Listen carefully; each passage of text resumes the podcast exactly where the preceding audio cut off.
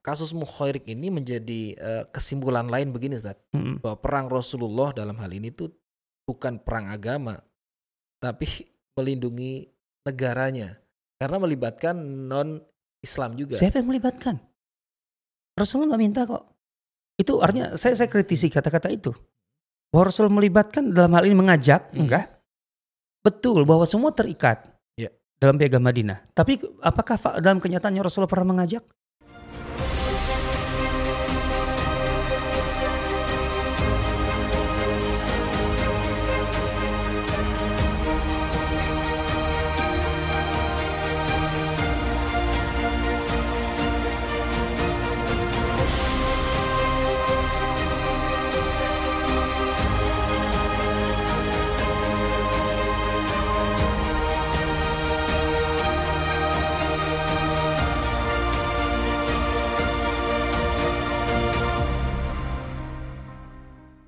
Assalamualaikum warahmatullahi wabarakatuh. Alhamdulillah wassalatu wassalamu ala Rasulillah wa ala alihi wa mawalah wa ba'd.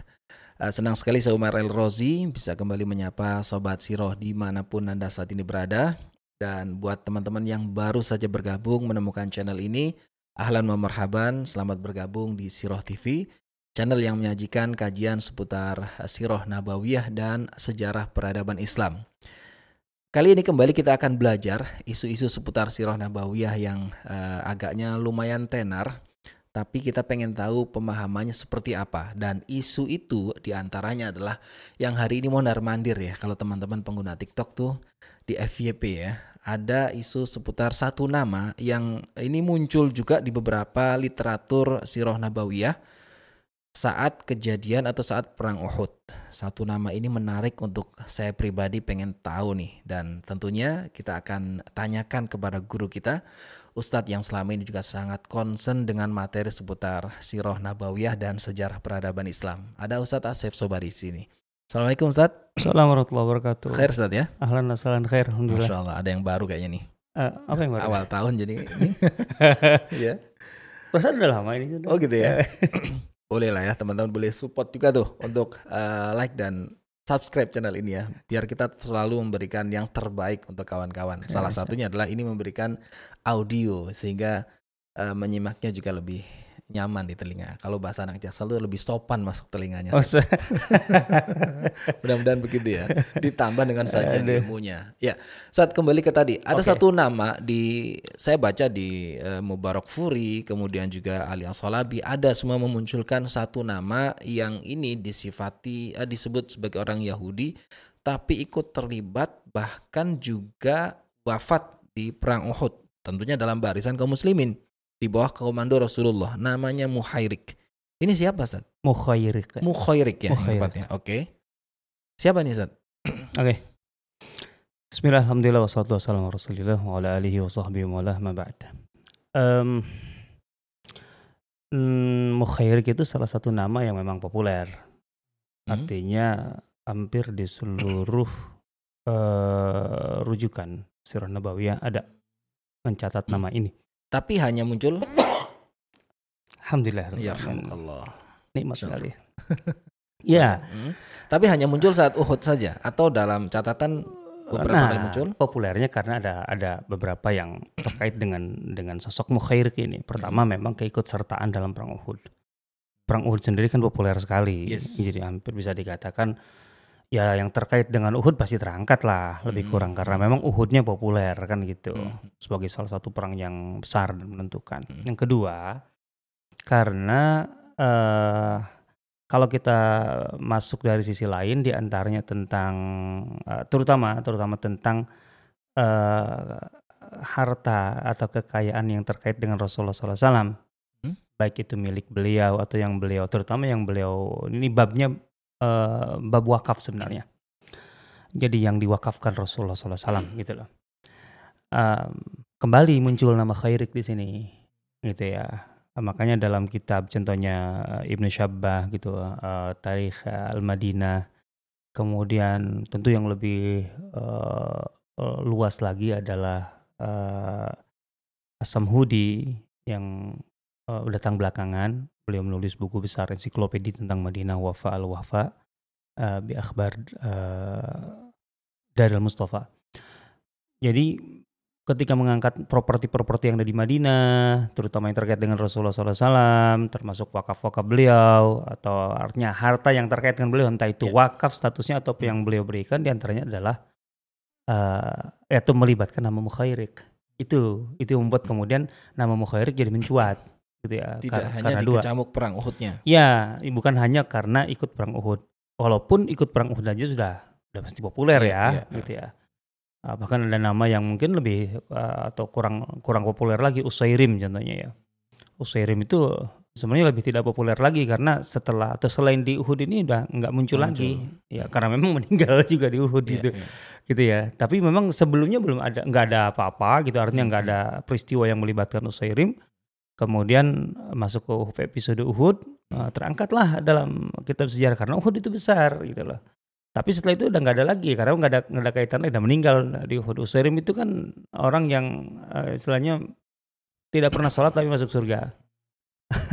Belum pernah sholat belum pernah satu rakaat pun ya. ya. karena masuk Islamnya sebelum persis sebelum perang Uhud dan langsung meninggal gugur di situ. Dan dipastikan uh, dia ini kan dari apa namanya dari Bani Abdul Ashal.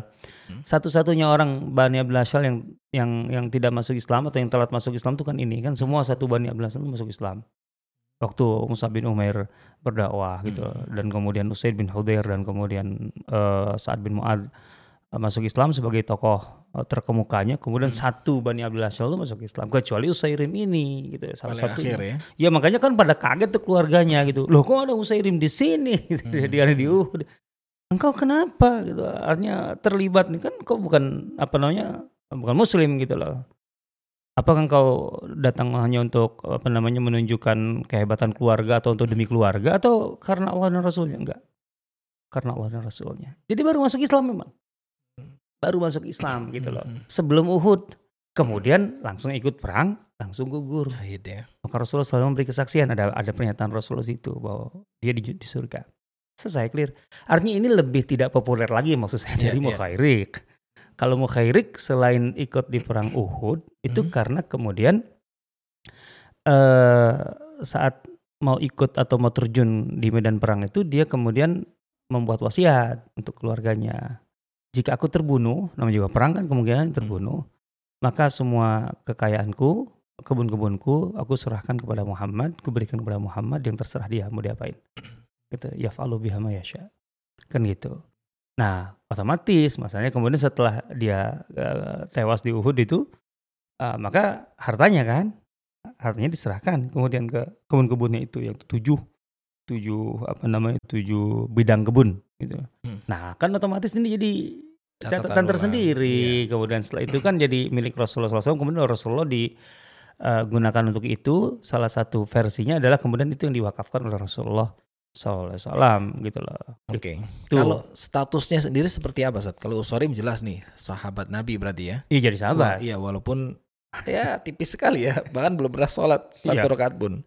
Mukhairik seperti apa Sat? Nah kalau mukhairik ini pertama dari asal usulnya gitu. Uh, bisa dikatakan semua ahli sejarah sepakat bahwa uh, mukhairik Yahudi bukan Arab. Itu sepakat. Cuman mereka berbeda pendapat dari Yahudi yang mana nih gitu loh. Oke. Okay. Jadi ada tiga pendapat. Uh, pertama dia berasal dari Bani Kainuqa. Yang kedua dia dari Bani Nadir. Hmm. Yang ketiga dari Bani Sa'labah uh, mm, bin Fityaun. Nah, Sa'labah bin Fityaun itu ada kelompok Yahudi yang kecil. Itu di antara beberapa kelompok Yahudi. Kan yang gede ada tiga. Hmm. Sebenarnya ada beberapa kelompok yang lain lah uh, Profesor uh, Faris Jamil itu dalam bukunya Yahud al-Madinah menjelaskan tentang kelompok-kelompok kecil ini gitu ya. Uh, ya ketika membahas tentang Yahudi-Yahudi uh, yang punya aliansi dengan uh, baik Aus ataupun Khazraj gitu kan. Itu kan dinisbahkan kepada kelompok Arabnya gitu kan. Yahudi Bani Auf, Yahudi Bani ini, Bani Aus, Yahudi hmm. Bani gitu. Nah, karena ada memang kelompok-kelompok uh, Yahudi atau banyak selain yang tiga itu, selain Aus dan uh, sorry, selain Kainuka, kemudian Naldir dan Quraidah gitu ya. Nah, di antaranya ini Bani Salabah bin Fityaun gitu ya. Uh, atau Imam Tabari rahimahullah itu memang betul, betul secara langsung uh, beliau yang tampaknya memang memilih pendapat ini Beliau hanya mengatakan tidak menyebutkan apa namanya opsi lain bahwa Mukhair ini dari Bani Salabah bin Fityaun. Gitu ya. Nah, tapi yang lain mengatakan itu dari Bani Nadir, ada yang Bani Kainuka gitu. Al-Waqidi menyebutkan dari Bani Nadir, tapi dalam dalam riwayat lain dia menyebut dari Bani, Bani Kainuka. Uh, begitu juga Al-Baladuri. Al-Baladuri juga uh, ada dua versi, yang satu dari Bani Kainuka, yang satu Bani Nadir gitu. Kemudian uh, Ibnu Hajar menyebut itu dari Bani Nadir, tapi Ibnu Hajar memberikan penjelasan, menarik juga. Jadi menggabungkan ada dua pendapat bahwa dia sebenarnya adalah sisa Bani Kainuka, gitu lah artinya min bakaya Bani Kainuka gitu. Tapi kemudian uh, dia uh, tinggal bersama Bani Nadir. Ya. Uh, menurut saya ini penting apa namanya uh, pendapat Ibnu Hajar ini menjadi penting. Kenapa? Karena kita bicara Bani Kainuka. Bani Kainuka ini kan sudah diusir uh, dari Madinah setelah Badar. Ya, ya, ya, ya. ya. Tidak ada lagi Bani Kainuka sebenarnya. Bisa dikatakan kan karena diusir setelah Badar itu. Nah sementara uh, Mukhair ini kan ikut perang Uhud. Hmm. Sehingga jadi ada ada muskil kalau seandainya dia memang Bani Kainuka dalam arti Bani Kainuka full. Makanya Ibn Hajar tampaknya mencoba untuk menggabungkan. Dia memang uh, bisa dikatakan dia punya punya darah Bani Kainuka katakan lagi itu. Tapi dia tinggalnya di Bani Nadir. Ya dengan berbagai alasan Allah Ta'ala alam itu intinya begitu. Uh, atau memang dia dari uh, ya tadi masalah asal usul persisnya dari mana kemudian dia tinggal di mana itu kan menjadi persoalan tersendiri sehingga dia bisa jadi dari bani apa kemudian akhirnya di bani apa. Kan itu biasa kan? Uh, ya kayak Mas Umar aja kan lahir di eh mana Kalongan Kalongan Pemalang, Pemalang. Kan. Yeah. Lahir Pemarang di Pemalang kan gitu, gitu kan uh, di kebun nanas gitu kan ya nanas madu kan Pemalang ya iya iya benar Eh, tapi kan kemudian enggak dia orang Jakarta atau orang Bogor gitu kan. Al-Bogori ya. Al-Bogori kan bisa jadi kan. Hmm. Karena memang tumbuhnya lain sebagainya di ya. Bogor kan. Orang kan bisa mengenal bagian awalnya, ada orang hmm. yang mengenal bagian akhirnya. Kan gitu. Hmm. Itu, itu lazim aja gitu. Lazim aja sih itu itu satu okay. artinya not not big deal lah gitu, satu hal yang hmm. biasa aja. Tapi yang penting uh, tadi kita perlu mengangkat uh, versi itu bahwa hmm. dalam apa literatur uh, sejarah kita memang ada yang mengatakan dia dari Bani Kainuka, mengatakan Bani Nadir dan ada dari Salabah bin Setiaun. Kan itu dari asal usulnya. Ini menarik berarti ya. Dia berarti orang penting karena beberapa catatan menyebutkan itu. Oh, bukan bukan bukan orang penting biasa. Al-Waqidi hmm. hmm. menjelaskan karena habran aliman gitu loh jadi memang dia orang terkenal. Habran aliman. Gitu loh. Dia adalah seorang rabi kalau bisa kita kan, ahbar, Yahud. Hmm. Kemudian ya berilmu, ulama gitu, ulama Yahud. Jadi bukan orang biasa memang. Uh, terus kemudian dalam keterangan lain disebut uh, dia ini kaya, gitu ya. Jadi dia kaya, dia punya banyak uh, kekayaannya. Uh, sehingga wajar kalau kemudian populer, sehingga kemudian tercatat, gitu loh. Yeah sudah ma di peristiwa-peristiwa Uhud kemudian hmm. dalam posisi ini. Uh, makanya ini nanti uh, menarik sekali dengan sikapnya di, di Uhud itu atau menjelang Uhud itu. Karena memang basicnya dia bukan orang biasa. Basicnya dia adalah orang seorang seorang uh, apa namanya ulama gitu loh. Ulamanya Yahudi, Yahudi. gitu. ya. Uh, yang intinya punya punya uh, banyak alasan atau alasan yang kuat untuk berada di Uhud gitu lah nah uh, ya memang mau tidak mau kita harus masuk ke pembahasan tentang agama ya jadinya ya. Hmm. Uh, dia ini jelas Yahudi awalnya. Tapi awalnya. apakah iya jelas dong, jelas. Okay. Maka hamran aliman gitu kan. Dia ulama Yahudi atau rabi Yahudi, bukan sekedar orang Yahudi biasa. Uh, cuma apakah dia muslim atau dia Yahudi saat ikut perang Uhud? Itu yang menjadi uh, menurut saya cukup apa namanya? hmm, silang pendapatnya cukup kuat. Sudah banyak yang membahas nih ulama-ulama. Ulama kita, ulama kita uh, berbeda pendapat di situ, gitu ya. Kalau At-Tabari, At-Tabari uh, tidak memberikan opsi uh, lain. Uh, dia menyebutkan sepenuhnya al-Yahudi. Gitu ya. Hmm. Cuman perlu saya jelaskan dulu ya. Oke. Okay. Ketika disebut al-Yahudi itu bisa bisa uh, berarti bahwa dia itu memang beragama Yahudi, gitu ya tapi juga bisa berarti dia ini keturunan Yahuda. Yahuda. Gitu ya. Oh, eh, apa tadi sebutannya penyebutannya al Yahudi. Iya, iya, iya, iya. alif lamnya gitu. Ya, maksudnya. ya, ya. Hmm. Ya, artinya ini bisa bisa bisa dua-duanya bisa masuk di situ. Mhm. Bahwa dia ini sebagai garis keturunan gitu ya. Atau sebagai penganut, Penganut. agama kan gitu ya. Nah, eh tapi taruhlah kita ambil bahwa ini memang eh, apa namanya? maksudnya adalah agamanya Yahudi. Itu juga karena memang juga ada artinya ada ulama lain juga yang mengatakan bahwa eh, apa namanya? Mukhairik ini eh, tetap bertahan dengan agamanya Yahudi gitu ya. Di antaranya adalah Al-Khassaf gitu ya. Al-Khassaf dalam kitabnya Al-Awqaf itu menyebutkan karena berkepentingan dengan masalah wakaf gitu eh, bahwa dia tetap apa namanya Yahudi agamanya. Nah, tapi tidak sedikit ulama kita yang menyatakan bahwa dia masuk Islam. Sebelum eh, ikut perang Uhud itu dia masuk Islam. Yang jelas itu Al-Balduri ada menyatakan itu. Ada alasan-alasan penguatnya juga, San. Eh, apa namanya? Alasan penguat bahwa beliau ini masuk Islam. Eh, nanti alasannya Eh, karena dua-duanya ada alasan oh, oke. dua-duanya ada alasan jadi yang pertama di antaranya al baladuri bahkan al waqidi sebelumnya. Al waqidi dalam pendapat yang paling banyak diangkat gitu ya. Entah itu dari dari eh, apa namanya ibnu Sa'ad ataupun yang lain-lain. Itu menyatakan bahwa aslam masuk Islam. Oke. Terus kemudian al baladuri juga mengatakan itu. Kemudian eh, eh, Samhudi juga mengatakan itu gitu. Kalau tidak salah dalam wafa al wafa gitu Eh, kemudian juga kalau tidak Salehi juga menyatakan itu dalam kitab Subul Huda war Rasyad gitu ya. Jadi intinya kalau mana yang lebih banyak yang saya dapati lebih banyak ulama kita yang menyebut bahwa eh Mukhairik ini masuk Islam sebelum ikut perang eh, Uhud gitu ya. Tampaknya tampaknya yang menjadi apa namanya eh, penguat di sini pertama bahwa bisa dikatakan hampir hampir ya. Saya katakan tidak satu-satunya tapi hampir semuanya merujuk kepada eh, al-Waqidi. Dan al-Waqidi kalau dalam masalah eh, detail informasi gitu ya Hmm. itu dikenal sekali oleh semua ahlu sirah. Bahwa Qidi itu punya kelebihan dalam eh, menggali apa namanya informasi-informasi yang detail. Itu terkenal maka ketika Allah Qadi mengatakan itu tampaknya banyak yang mengikuti itu atau mengangkat setidaknya mengangkat riwayat Al-Waqidi untuk menjelaskan status dari eh Mukhairik ini agamanya apa.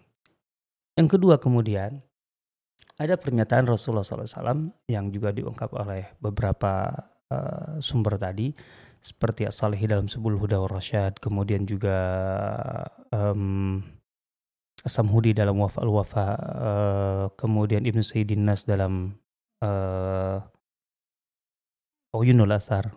Ya. bahwa Rasulullah SAW menyatakan Mukhairik sabiqu Yahud. Sabiqu Yahuda. Salman sabiqu Faris. Bilal sabiqu Al-Habasyah kalau tidak salah ada yang menyatakan bahwa eh, riwayat ini dari Ibn Syihab, Ibn Syihab Zuhri dan itu mursal oke tapi mursal dalam sirah itu yang biasa gitu ya artinya Beda tidak otomatis ya. tertolak gitu enggak Beda dengan eh, Hatta hadis hadis ya. sekalipun eh, kalau kita bicara eh, mursal mursalnya yang eh, dikenal gitu ya artinya mursal tapi dari tokoh-tokoh yang eh, perawi-perawi yang eh, besar Oh. itu pada dasarnya tidak tidak semudah itu ditolak mentah-mentah. Oke, Halo kulihal. Eh, pernyataan ini menjadi penting. Mukhairik sabiqu Yahud, kemudian setelah itu Salman sabiqu Faris. Kemudian apa namanya? eh, Bilal sabiqu Habasyah. Eh, ini terkait dengan apa? Siapa yang menjadi pelopor dari masing-masing kelompok ini untuk masuk Islam? Konteksnya itu. Jadi kalau untuk Persia yang menjadi pelopornya itu adalah Salman, Salman. kan itu. Untuk Oke. Habasyah yang menjadi pelopornya adalah Bilal, kan gitu kan. Hmm. Nah dalam konteks itu Rasul menyebut Ukhairik sabiqu Yahud. Gitu ya. Nah, ini yang menarik ini ketika Rasul menyatakan sabiqu Yahud. Gak pakai alif lam. Karena kalau pakai alif lam itu clear itu sebenarnya. Itu untuk menunjukkan keyakinan. Hmm. Waqalatil yahudu Uzairun ibnullah. Al-Yahud di situ ya. Di sini adalah keyakinan al-Yahud ini. Artinya orang-orang yang berkeyakinan Yahudi. Berarti agama. Ya. Ini kan? Orang-orang Yahudi dalam arti beragama Yahudi gitu, ya, meyakini bahwa Uzair itu adalah anak Allah atau anak Tuhan. Kan gitu. Lam. Ya. Uh, sementara di sini enggak. Jadi Yahud di sini ketika tanpa alif lam kembali kepada sosok moyang mereka.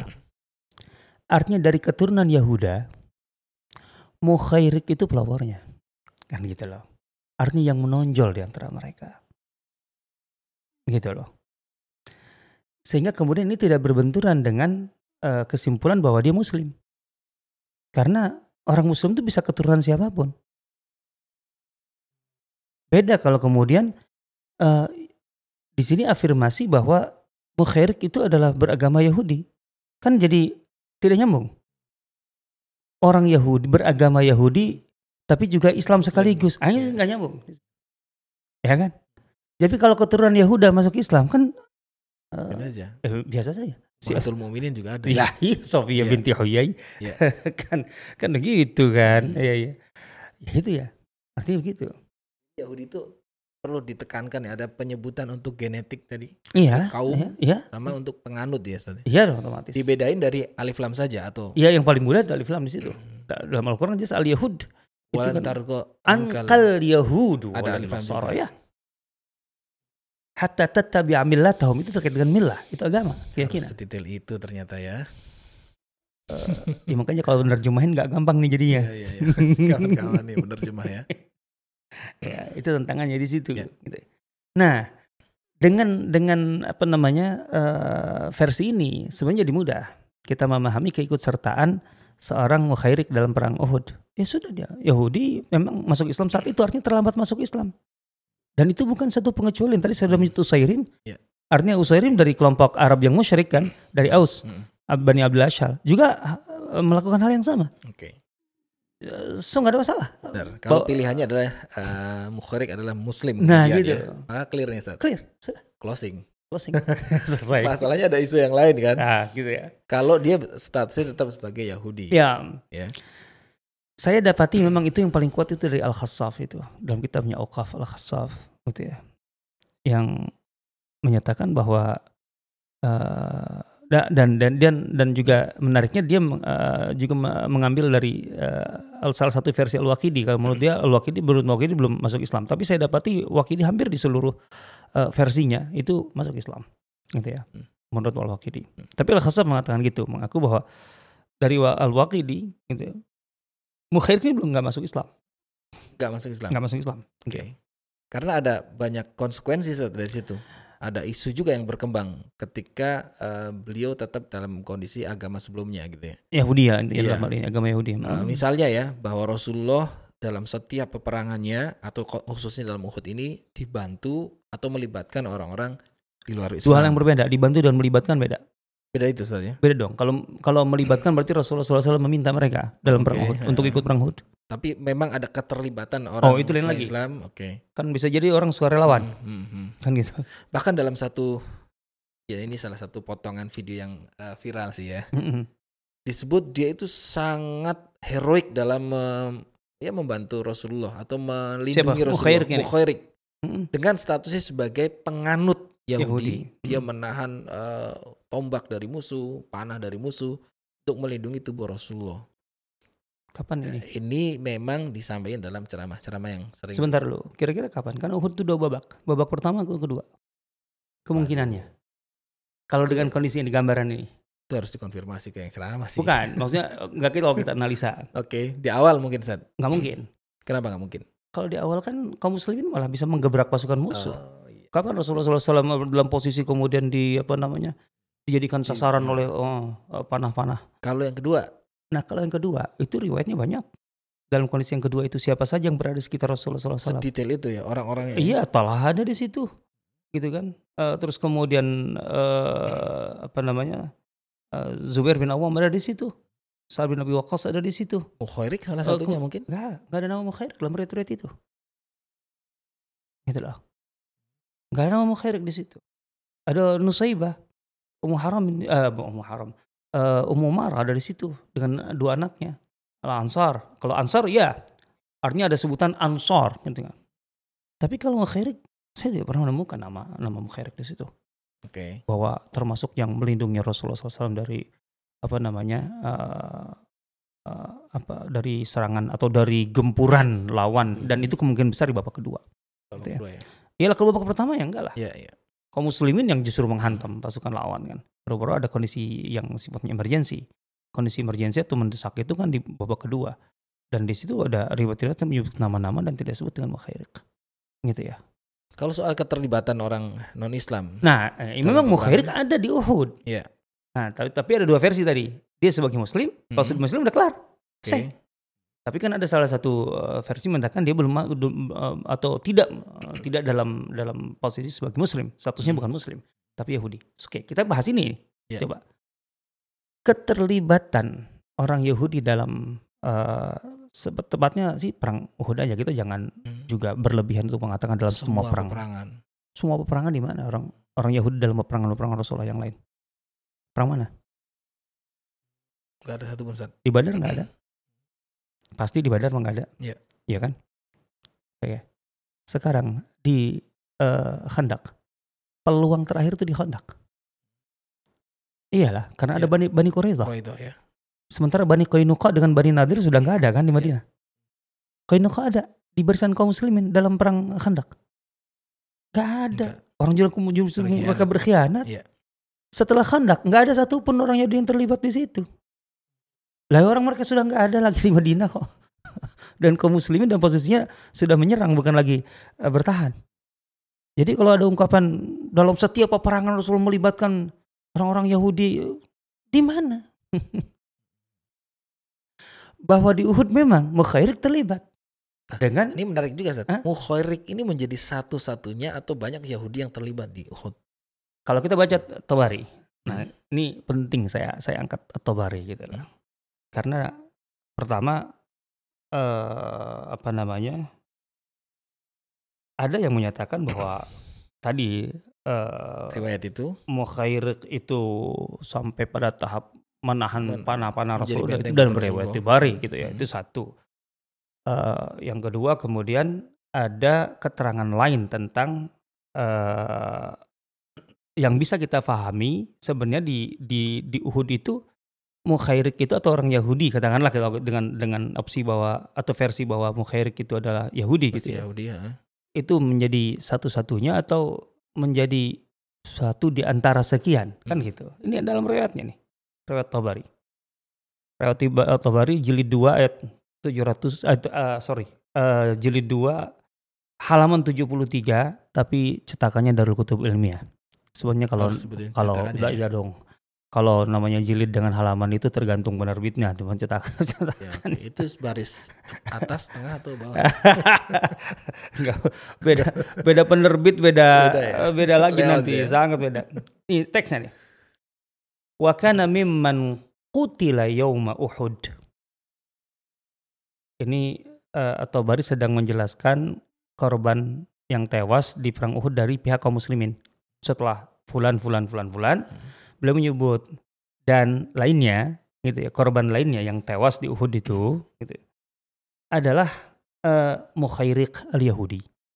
Mukhairik al-Yahudi gitu ya. Wa kana ahada Bani Sa'labah bin Fityaun. Nah, Ibnu Tabari mengatakan tadi Hmm. saya katakan bahwa ini dari Bani Sa'labah bin Fityaun dan tidak memberikan opsi yang lain. Lamma kana dzalika al-yaum pada hari itu yaitu sebelum perang eh, bertempur pertempuran perang Uhud gitu. Qala nah Mukhairik ini eh, apa namanya Ngajak mengajak orang-orang Yahudi lainnya. kaumnya atau semua Yahudi yang tersisa. Otomatis di sini Bani Nadir dong. Yang paling dekat. Karena kan Bani Qainuqa sudah tidak ada di Madinah Iya, saat oke. itu. Hmm. Dan dia disebutkan oleh Ibnu Hajar tinggal di Bani Nadir. Gitu ya. Nah, dia otomatis berkata kepada Bani Nadir ini yang paling jelas, paling dekat ya. Ya. Ya, ya masyara Yahud. Wahai segenap orang Yahudi. Walaupun ini berlaku untuk semua orang Yahudi termasuk Bani Quraidah. Mm. Tapi kan kalau lihat tempatnya, lokasinya ada Bani Nadir yang paling paling relevan. Wallahi laqad alimtum anna nasra Muhammadin alaikum lahaq. Kalian tahu persis bahwa membela Muhammad itu satu keniscayaan. Kalian harus membela. Dengan banyak alasan. Alasan keyakinan Yahudi sekalipun gitu lah. Bahwa Rasulullah itu ada Muhammad adalah Rasulullah. Seorang Artinya seharusnya kalian percaya bahwa Muhammad itu utusan Allah. Kan ya. berdasarkan bisa diartikan begitu. Iya. iya, iya, seharusnya begitu. Sehingga membelanya itu adalah keniscayaan. Atau Mm. berdasarkan piagam Madinah. Oh iya, mereka terikat itu juga. Oh iya ya? dong. Artinya Hmm. kalaupun kalian tidak mengikuti agamanya, kalian Hmm. terikat dengan piagam Madinah.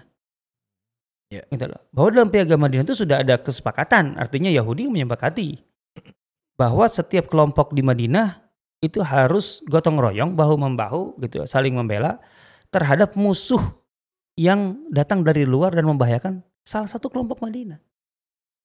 Gitu loh. Itu piagam Madinah. Ya. Ya. Jadi intinya tidak ada alasan kalian untuk tidak membela kan gitu. Tapi yang penting di sini kan dia mengajak. Itu yang penting yang kita catat. Dia mengajak. Qalu. Apa jawaban orang-orang Yahudi? Innal yawma yawmus sabt. Hari ini hari Sabtu. Qala artinya ngeles, menolak. Mm. La sabt. Tidak ada lagi, tidak ada sabat. Tidak bisa jadi alasan. Gitu loh. Karena memang niscaya. Nah, tadi dari keterangan Al-Waqidi, kan dia itu ulama. Dia itu rabi. Artinya ketika mereka berdalil, berhujah, hujah kalian itu lemah. Lah aku ulamanya aku lebih ngerti lah. Kan gitu kan, Hmm. otomatis Ya. sama dengan begitu gitu. Artinya kalian nggak nggak nggak nggak bisa argumentasi kalian nggak bisa diterima kan gitu. Nah kemudian apa? Tidak ada keterangan bahwa orang Yahudi kemudian menurut dia. Dia sendiri. Sendiri ya. Iya. Fa'akhadha sayfahu wa uddatahu. Dia kemudian mengambil eh, pedangnya dan perlengkapan perangnya. Waqala kemudian dia berkata otomatis masih di keluarganya, Hmm. in usibtu jika aku tewas, famali li Muhammadin. Maka kebun-kebunku, hartaku li Muhammad itu diserahkan aku serahkan kepada Muhammad yasna'u fihi ma yash- masya. Terserah mau diapakan. Summa ghada ila Rasulillah sallallahu alaihi wasallam kemudian dia menjumpai Rasulullah sallallahu alaihi wasallam faqatala hatta qutila. Kemudian dia ikut bertempur sampai terbunuh. Dah, itu dituburi. Gak ada keterangan dia kemudian Detail tadi. detail heroik ya. sampai heroik Hmm. bahwa dia ikut iya. Jelas Oke. itu kalau ikut. Gitu. Dan semua sumber mengatakan memang dia Hmm. ikut. dan Hmm. menjadi satu-satunya ya. Eh, dari Yahudi maksudnya. Nah, dan tidak ada keterangan bahwa Yahudi yang lain ikut. Dia Mm. satu-satunya kok. Oke. Dan itu karena ke, apa namanya kesediaan atau kerelaan, bukan karena diajak oleh Rasulullah Rasulullah Rasulullah Rasulullah SAW. Oh, dalam piagam iya. Madinah memang Hmm. semua terikat yang di Madinah itu. Tapi Rasulullah SAW tidak pernah meminta bantuan kepada Hmm. kelompok non Muslim selama di Madinah untuk ikut dalam pertempuran kaum Muslimin. Itu perlu pembuktian dan itu tidak ada buktinya. Tapi muh- kasus Mukhairik ini menjadi eh, kesimpulan lain begini Ustaz. Mm. Bahwa perang Rasulullah dalam hal ini tuh bukan perang agama. Tapi melindungi negaranya. Karena melibatkan non Islam juga. Siapa yang melibatkan? Rasulullah nggak minta kok. Itu artinya saya saya kritisi kata-kata itu. Bahwa Rasul melibatkan dalam hal ini mengajak, Hmm. enggak. Betul bahwa semua terikat Ya. dalam piagam Madinah. Tapi apakah dalam kenyataannya Rasulullah pernah mengajak? Dalam perang. Perang apa? Rasulullah Mereka nggak diingatin dengan piagam Madinah itu saat ketika mau berangkat gitu. Eh, Badar lah, Uhud atau yang lain. bahwa terikat oke, karena itu penting.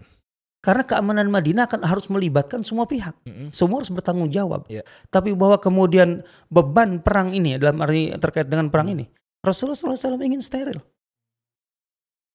Termasuk dari munafik ya ya. Kalau munafik nggak bisa dong, karena kan munafik secara zahir diterima sebagai muslim. Oke. Oh, Itu kan ada sebagian yang mundur tuh di. Oh iya, iya. Kalau di Uhud ya, tapi kan di tempat yang lain kan munafik ikut, Oh, Oke. ikut dan nggak mungkin dilarang ikut, Hmm. kan gitu. Orang Yahudi kalau mau ikut silakan, nggak dilarang, karena memang terikat dengan piagam Madinah. Tapi Rasulullah tidak pernah mengajak. Tidak pernah ada seruan itu juga. Di mana? Dalam perang apa Rasulullah SAW menyeru, mengajak mereka untuk ikut dalam perang kaum muslimin?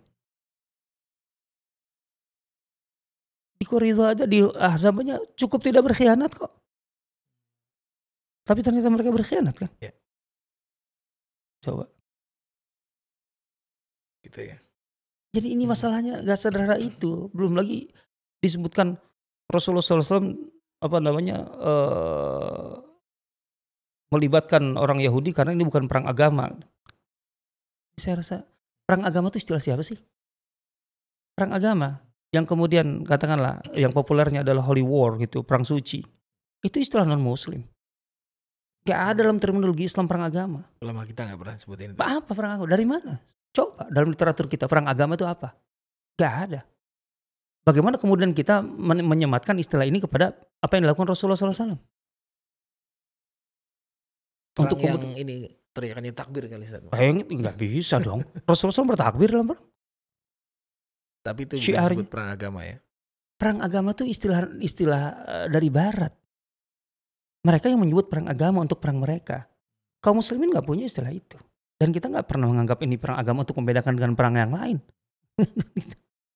Sekarang masalahnya, eh, perang agama itu perang yang di apa namanya ya yang didorong karena motif agama.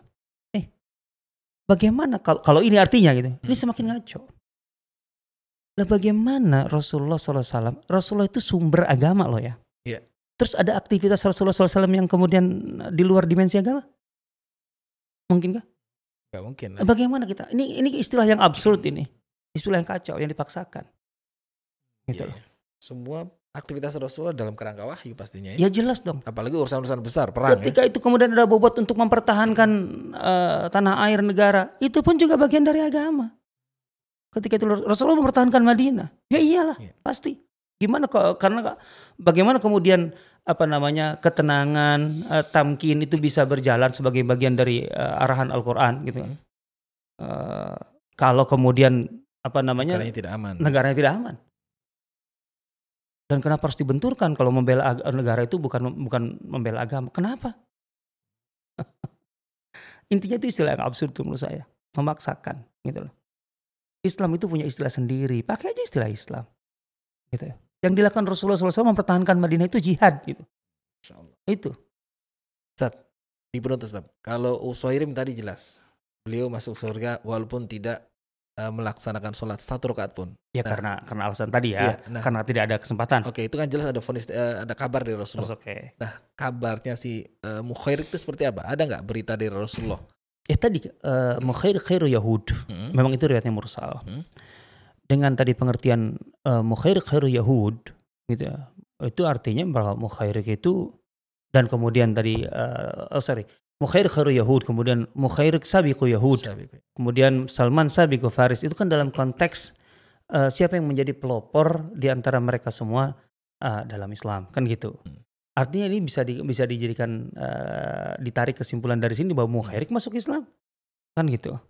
Dan sebagaimana keterangan Al-Waqidi eh, yang begitu banyak dan beberapa yang lain juga gitu selain dari sumber Al-Waqidi bahwa memang dia masuk Islam kan gitu.